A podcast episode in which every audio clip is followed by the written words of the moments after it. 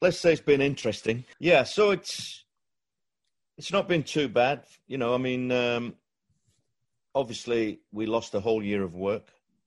Well, not quite because we actually did, I think, 30 shows from January to mid March. We did uh, 30 shows in theatres in the UK, and we still had six more to do. And then we were supposed to come to Netherlands, Belgium, Germany, uh, other places, basically a whole year. But I was also supposed to go to uh, America with Eric Clapton playing keyboards for him, but uh, no, everything's closed down. And we don't know when it'll be open, so we just have to ride it out. This musicians are kind of used to rolling with the punches, you know. But it's mm. this is a hard one because uh, nobody's got any work. So, uh, uh, when did you came up with the idea for the uh, October fifteenth show? Yeah, I can't remember exactly, but um, because initially when the lockdown first happened, and um, people were saying, "Oh, you know, do some do the stuff online, you know, with your phone and just the, the acoustic thing and this, that, and the other." In the beginning, I I couldn't get excited about that. I was more, I was kind of concerned about the whole the virus, and my ki- kids were living uh, around London, and people were panicking a bit. So initially, I was like everybody else, a bit anxious. Um, then when things calmed down a little bit, I still didn't quite get into the, you know, the online stuff, doing it on your phone and all that. Uh, I did a few things later on, but I think we started talking about it um, maybe, well, during the summer anyway. We decided, look, we've got to do something. We were having a great tour. People were, wanted to come and see us in other countries, and uh, we felt it was important to, you know, kind of make a, a, a statement and to do do it really well, you know. Um, I think I think it's fantastic that musicians have been using their initiative and doing what they can to keep going. Yeah, and who who convinced you to do uh, the the show in the Victoria Hall in Leeds at the end? Yeah, it was my friend uh, Peter Van Hooke. He was uh, very keen to do it. Obviously, it meant uh, you know it, it, the costs were quite high in doing it to do it this way because uh, we had to take the venue, which is a great venue, it had to be large enough for to have the production with everybody safely distanced. Obviously, no audience, and um, we wanted to take the whole production in there as it was on tour, with the staging and the lighting, and uh, and and also film it in a good way. So it's twelve cameras, and um, we have to mix the sound. Of course, we we don't mess with the performance at all, but we still have to edit the pictures. So basically, um, basically, it was a concert. Uh, only yeah. there were no audience. Correct. That's exactly yeah. how it was. Yeah, and was it also uh, uh, one big wall you have to climb over? You you didn't have any audience because you're a performer. yeah, but so you have to uh, you expect interaction from the audience, and was it was that difficult for you to conquer or? Not really because we were just so happy to be playing. I mean, uh, yeah, we like to get the audience involved um, on a sh- on a on a normal gig, you know, especially towards the end. We like to get people singing along, but first and foremost, we are musicians, and um, we were just so happy to be playing together uh, for the first time in six months. Everybody n- knew the set very well, but everybody did some rehearsing at home by, by, by themselves, you know.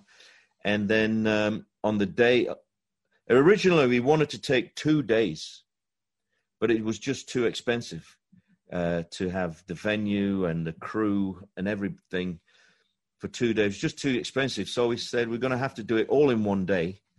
And so the crew were there very early setting up. And then the band arrived, we did a sound check, a basic sound check, and then we just played the show. Yeah. And uh, that was it. Two drums, bass, keyboards, sax, guitar. Did I say bass already? Yeah. Okay. In that case, it's a six-piece band plus me, seven. That's uh, the the band we've had for a long time now, uh, for years. Yeah. When did you record uh, the concert in uh, Leeds?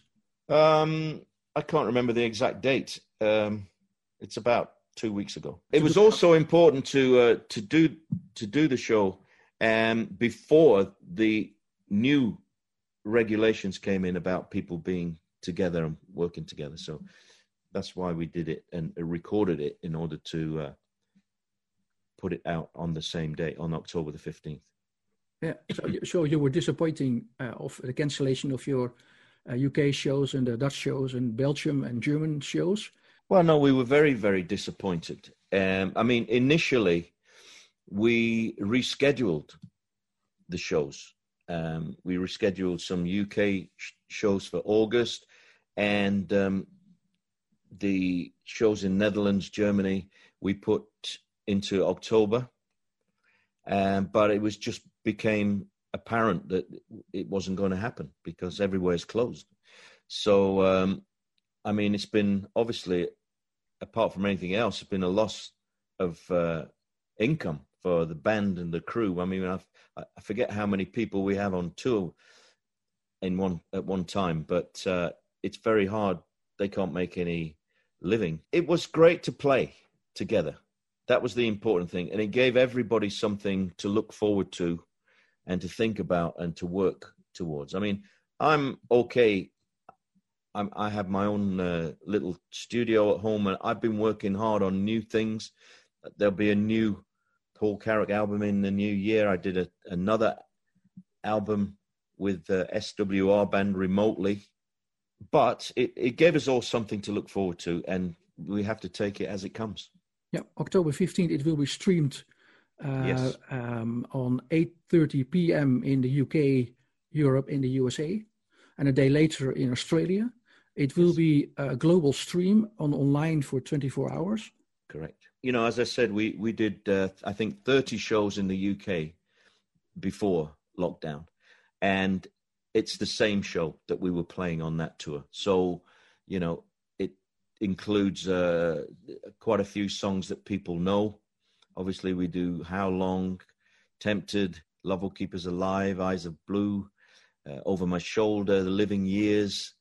it's about I, I, can't remember if it's an hour and 30 or an hour and 40 minutes i'm sorry i should know that it's very different by the way to the album that's just been released with the swr band because that was a um, a concert for a tv special in germany with the swr band and it's very very different it's called another side of paul carrack because it's different repertoire different uh, band altogether.